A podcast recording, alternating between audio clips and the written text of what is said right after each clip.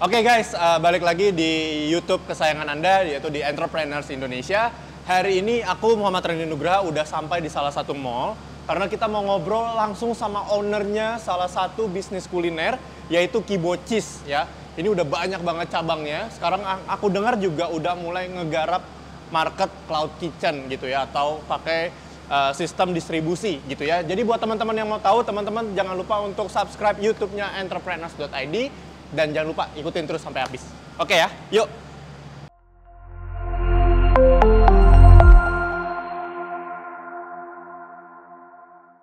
Oke, halo teman-teman semua. Uh, balik lagi sama aku Muhammad Randi Nugraha selaku CEO dari entrepreneurs.id. Hari ini aku lagi mau coba kulik-kulik strategi bisnisnya owner dari Kibocis ya. Tapi aku udah yakin banget teman-teman ini pasti familiar gimana Kibocis itu bisa ekspansi bisnis kulinernya, khususnya di bidang cakery gitu ya. Jadi buat teman-teman yang mau tahu gimana cerita lengkapnya, teman-teman jangan lupa untuk subscribe YouTube entrepreneurs.id, follow Instagramnya entrepreneurs.id, follow TikToknya juga, dan kita juga ada event berupa seminar dan webinar. Jangan lupa kunjungi juga event kita, karena di situ banyak banget insight-insight menarik terkait edukasi bisnis gitu ya. Nah, saat ini aku udah sama bintang tamu kita gitu ya di entrepreneurs.id yaitu Mas Vicky. Halo Mas Vicky. Halo Mas. nah hari ini aku mau coba kenalan dulu sama Mas Vicky. Mas Vicky juga bisa kenalan dulu sama teman-teman uh, follower ataupun subscriber dari entrepreneurs.id. Gitu ya Mas Vicky ya. Salam kenal semuanya teman-teman. Oke, Mas Vicky boleh nggak sih dikenalin dulu Mas Vicky ini siapa? Terus backgroundnya apa? Terus bisnis yang lagi dijalankan itu apa sekarang? Silakan Mas Vicky. Oke, jadi salam kenal sekali lagi buat teman-teman entrepreneurs. Sama aku Vicky Kurniawan. Saat ini kalau untuk uh, yang aku jalanin sekarang bidangnya memang uh, sedang berbisnis juga okay. sebagai entrepreneur juga di beberapa bidang. Salah okay. satunya itu di bidang F&B. Salah satunya di bidang F&B. Bidang gitu. F&B dan uh, bidang F&B salah satu brand yang cukup familiar yang aku punya itu yeah. Kibocis ini. Oke. Okay. Kalau Mas Vicky uh, Mas Vicky udah ngejalanin bisnis Kibocis ini dari tahun berapa? Uh, terus uh, Mas Vicky ini punya partner kah atau sekarang lagi jalan sendiri kah? Mungkin boleh diceritain dan di sharing ke teman-teman dari entrepreneurs.id. Oke, ya. jadi mungkin sharing-sharing sedikit aja. Ya. Uh, kalau Kibocis sendiri tuh sebenarnya aku mulai di tahun 2016. 2016. 2016 kita pertama kali mulai itu di Desember. 2016, 2016 Desember. Desember. Tapi R&D-nya tuh sebenarnya udah jalan dari enam bulan sebelumnya. Oke. Okay. Jadi backgroundnya itu kenapa bisa jalanin bisnis uh, Kibocis karena memang kebetulan aku juga background di marketing. Oke. Okay. Dan kakak aku sendiri dia tuh uh, backgroundnya sekolah culinary art di Jepang. Oke. Okay. Jadi pas dia pulang ke Indo mm -hmm. ngajakin ngobrol-ngobrol kira-kira kita mau bikin apa nih, mm -hmm. Uh, dan mungkin waktu itu ada beberapa produk yang kita coba trial and error Uh, salah satunya uh, maca, maca, maca jam, terus juga ada beberapa produk yang memang kita tunjukin buat uh, B2B. Okay. Tapi pas kita coba lihat produk market fitnya agak masih agak kurang uh, tepat iya. timingnya. Jadi untuk penetrasi susah. Iya, penetrasi 2020, susah. Uh, dan kita lihat waktu itu uh, yang lagi happening banget uh, itu namanya uh, Japanese cheesecake. Japanese Dan kebetulan cheesecake. Japanese cheesecake ini uh, waktu aku berapa kali traveling ke Jepang ini yang paling memorable banget dan hmm. paling ngangenin. Hmm. Dan waktu itu kayak andai-andai, wah kayak asik banget nih hmm. uh, kalau misalnya bisa bawa produk ini ke Indonesia. Oke. Okay. Akhirnya dengan melewati R&D selama beberapa bulan, lahirlah produk Kibocis yang kita launching pertama kali secara online di Desember 2016. Desember 2016 launching secara online. Online mas. dulu. Pertama kali punya bisnis langsung online, nggak yeah. langsung start offline-nya? Oh, belum.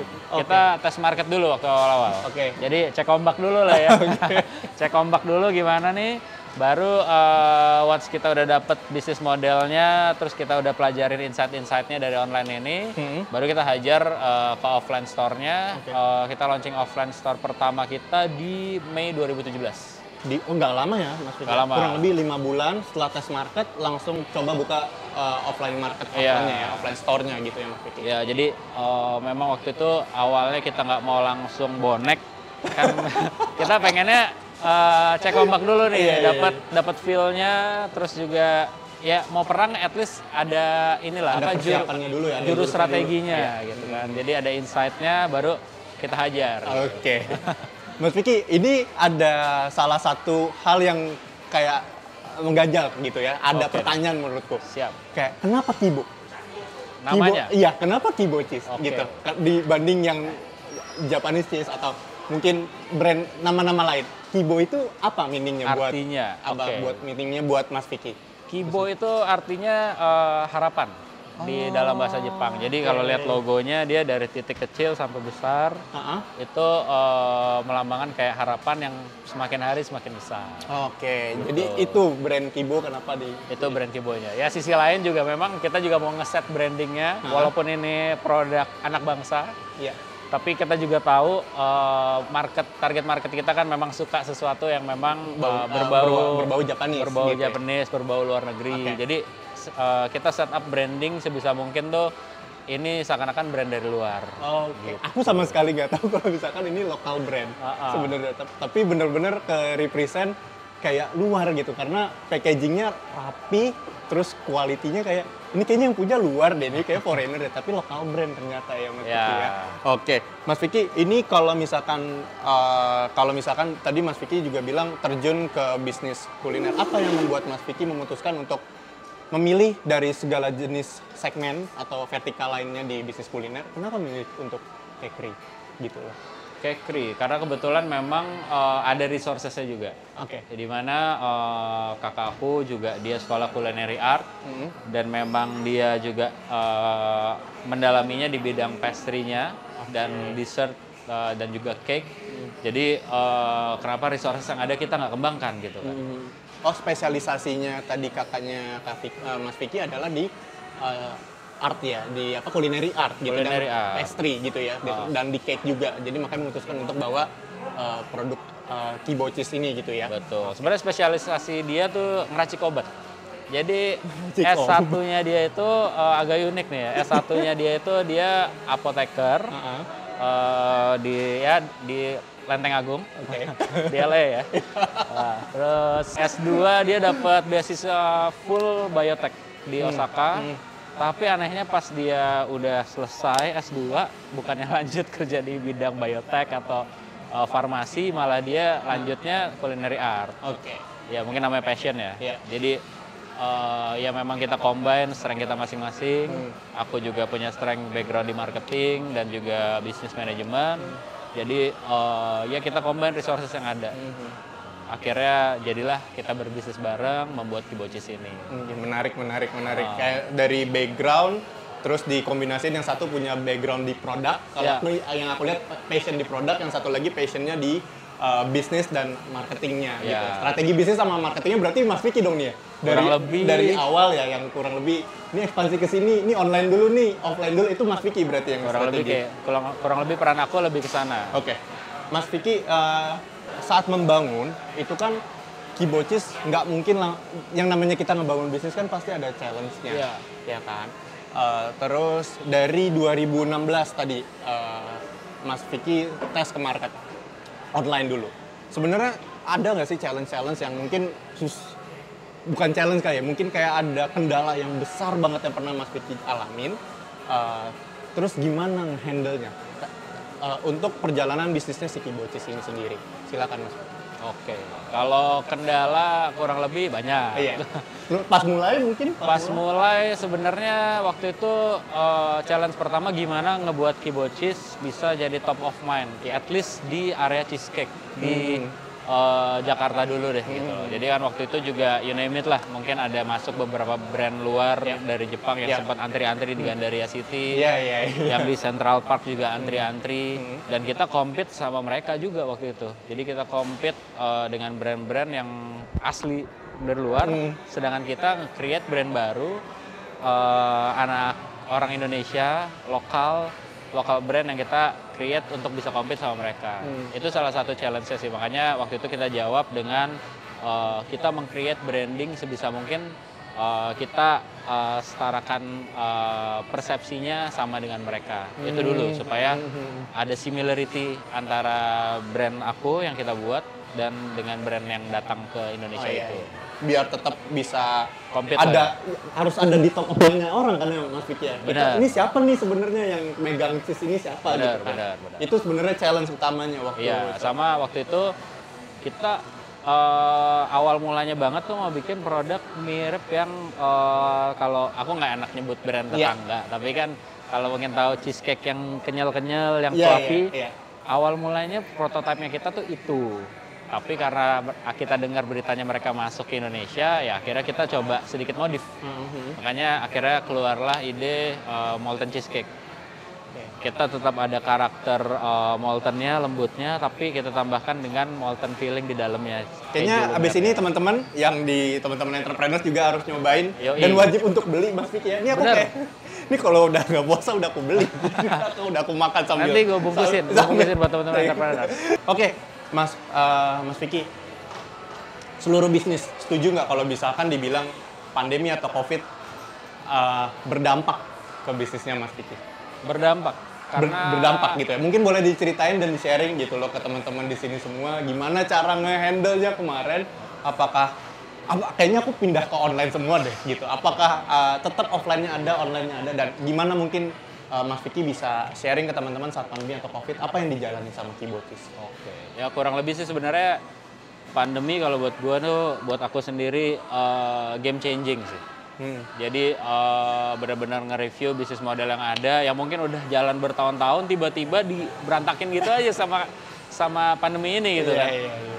Ya waktu itu kita kalau challenge terberat sih pas awal-awal pandemi ya kita kelimpungan lah. Kita de- udah biasa dengan bisnis model yang offline, yang Orang kita dateng. orang datang, traffic di mall, semua tiba-tiba mall kosong, tutup, pemasukan om eh, jeblok eh, 90% gitu kan. Tapi gaji karyawan juga mesti tetap eh, jalan juga. Hmm. Jadi waktu itu ceritanya seru lah. Eh, kalau nginget-nginget pas masa pandemi Iya itu sih. apa ya? Ngeri-ngeri tapi sedap juga sih. Tapi jadi banyak belajar. Banyak belajar Vicky ya sih, ngeri-ngeri sedap gitu. Ini krisis pertama aku sebagai entrepreneur juga yang aku lewatin dan puji Tuhannya dikasih eh, berkat bisa ngelewatin ini dan malah makin berkembang gitu. Iya, iya. Jadi eh, mungkin aku ceritain sedikit waktu pandemi kita sempat agak apa pun bisnis modelnya pokoknya in the name of survive. Untuk surviving mode sampai kita eh, bikin frozen food, jual ayam goreng, kurang lebih ya dengan resources yang ada bikin ayam goreng, bikin eh, jajanan-jajanan goreng atau mungkin frozen food. Yang mungkin waktu pas bulan Maret tahun lalu sampai pas lagi kita lockdown di rumah pada nggak tren lah. Nah itu sempat kita bikin itu ya oke tapi memang bukan core bisnisnya kita juga, bukan core strength-nya kita. Dan kita coba untuk fokusin lagi Kibo dengan bisnis model uh, pick up point waktu itu. Ya, oke. Nah, kita jadi jadi waktu itu mo- modenya langsung dirubah jadi survival. Survival. Semua kalau misalkan kita dengan sumber daya yang ada, kita bisnis apa aja yang penting yang penting bisa monetize. Iya, waktu yang- itu yang penting bisa ada generate revenue supaya karyawan nggak harus Karyawan bisa bisa makan. makan, terus operasional bisnis juga tetap bisa Iya, gitu. itu aja sih waktu itu pikirannya. Yang penting kita mau mikirin cuan udah nggak kepikiran. yang penting semua bisa makan. Syukur owner bisa gajian. Kalau nggak, yang penting mereka dulu bisa gajian gitu sih waktu itu. Waktu itu sampai sempet sempet kayak gitu Mas Vicky ya. Aku sempat, tapi ya untungnya Alhamdulillah. eh, ya aku ada saving jadi bisa bertahan dengan saving aku yang ada. Kebayang kebayang Mas Vicky. Aku juga ngalamin sih Mas Vicky. Iya, Itu challenging kan- lah, challenging iya. banget. Itu kan kita biasa jalanin offline event Iya. gitu kan, datengin 200 orang, 300 orang, terus tiba-tiba pandemi, PSBB, lockdown. Wow, gitu kan. Wah. Kayak se- semuanya pokoknya nggak mau tahu ceritanya. Ini nggak bisa ada aktivitas gitu Iya. kan. Mau nggak mau, kita juga waktu itu sempat survive ya. Kayak kita jualan termogan, kita jualan alat rapid gitu sampai kayak gitu teman-teman yang buat teman-teman yang lagi ngalamin pandemi. Tapi alhamdulillahnya atau eh, istilahnya kita diberikan kayak kepercayaan masih bisa Iya. bisnis kita bisa existing sampai sekarang gitu. Itu berkat banget buat Iya. aku. Maksudnya kayak Kibo masih bisa ada di 2021 dan bisa menambah cabang lagi, Hmm. ekspansi bisnis. Itu berkat banget sih buat aku gitu. Jadi malah berkah ya ujung-ujungnya. Berkah banget sih. Ujung-ujungnya jadi berkat juga ya Mas Vicky ya. Iya. Karena eh, sekarang kalau misalkan boleh di sharing bisnis modelnya adalah pick up point? Pick up point uh, mungkin uh, trennya cloud kitchen lah ya. Trennya cloud kitchen ya. Cloud kitchen. Tapi apa yang aku lakuin mungkin baru realize oh ternyata gue jalanin cloud kitchen ya. Pokoknya waktu itu gue pikirnya, ah yang penting survive aja deh. Iya iya. iya. Yang penting ka- karyawan bisa bertahan, bisa pada gajian.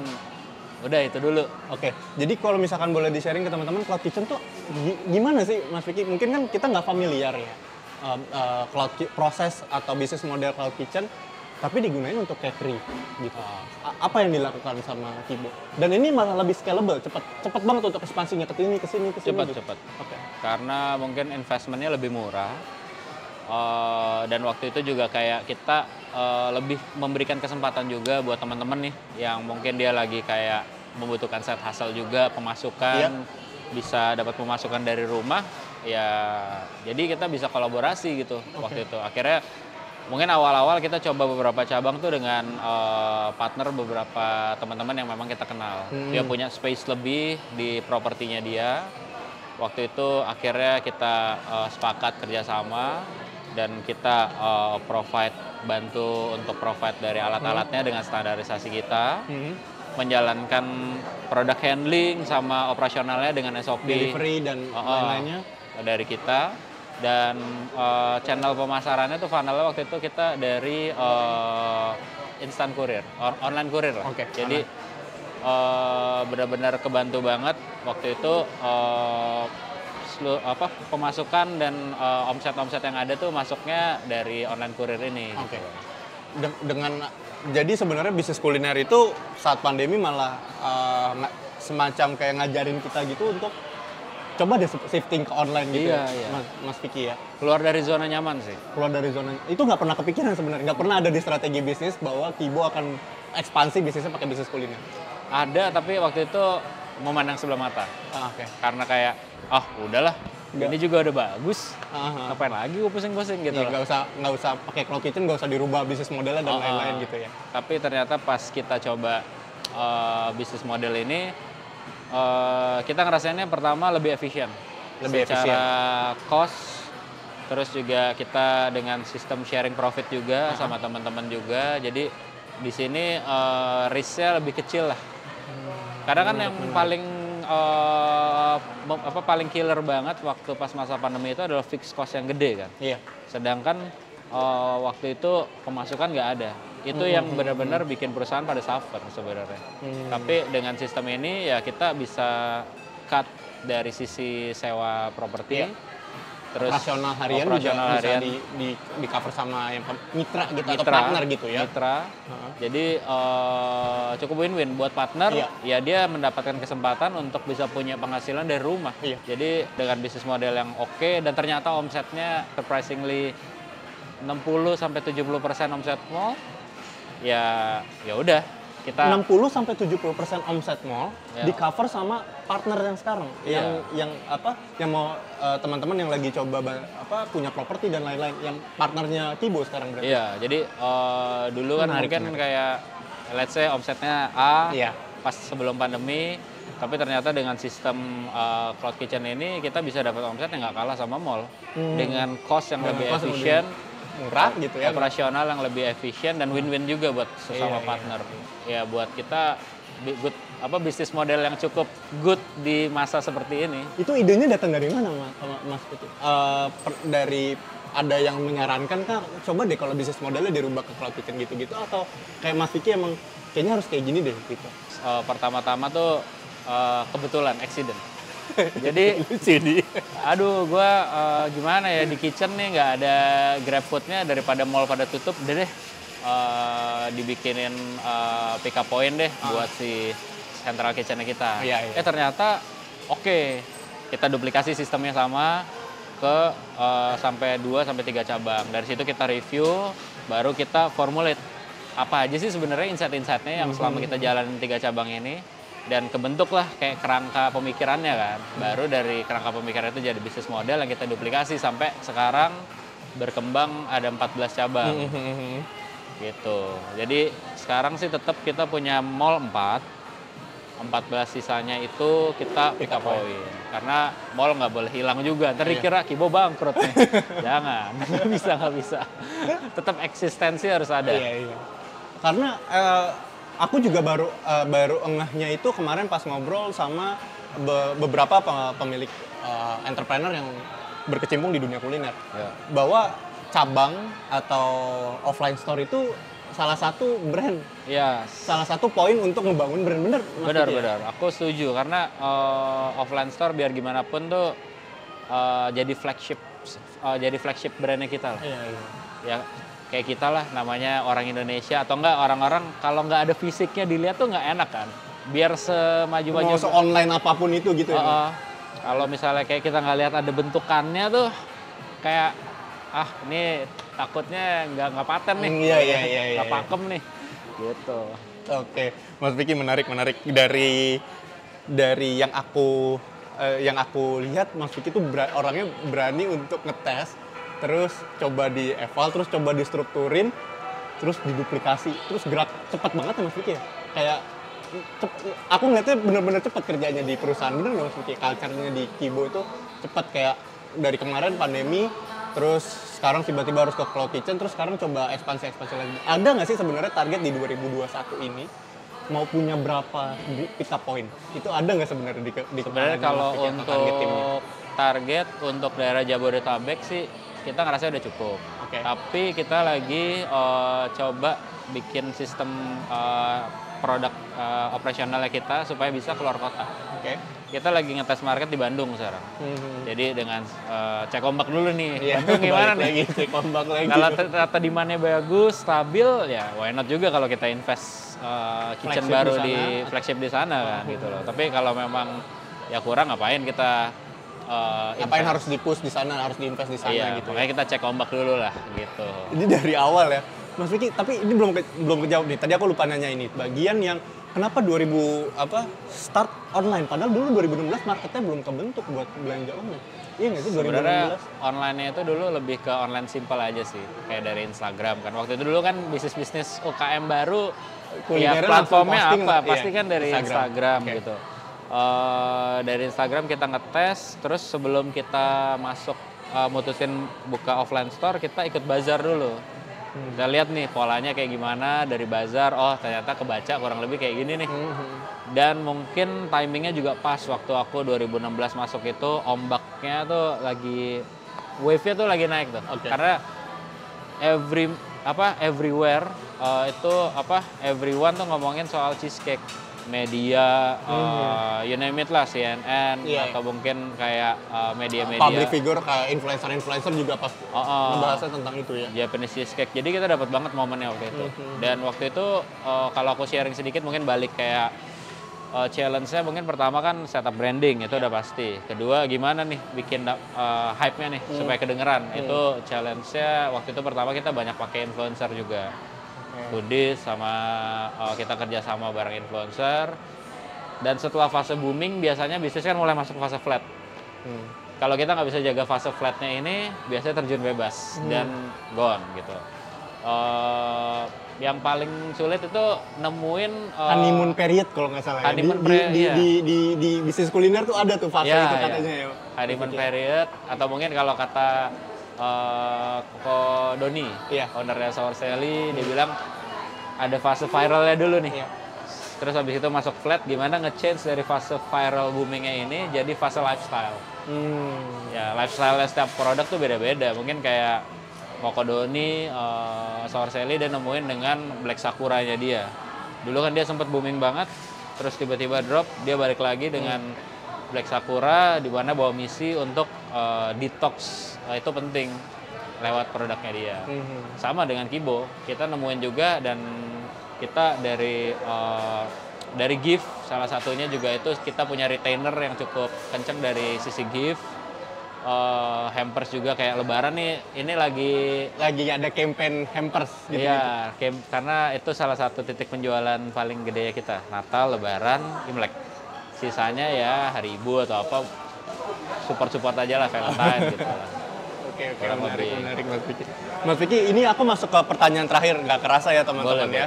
Eh, Mas Vicky boleh nggak sih ngasih input ngasih masukan buat teman-teman yang lagi coba mulai bisnis atau sekarang lagi mulai bisnis kuliner tapi bingung gitu loh mau dibawa ke mana usahanya gitu loh. Apakah aku harus brand dulu? Apakah harus aku kencengin marketing? Apakah aku harus mulai ke cloud kitchen?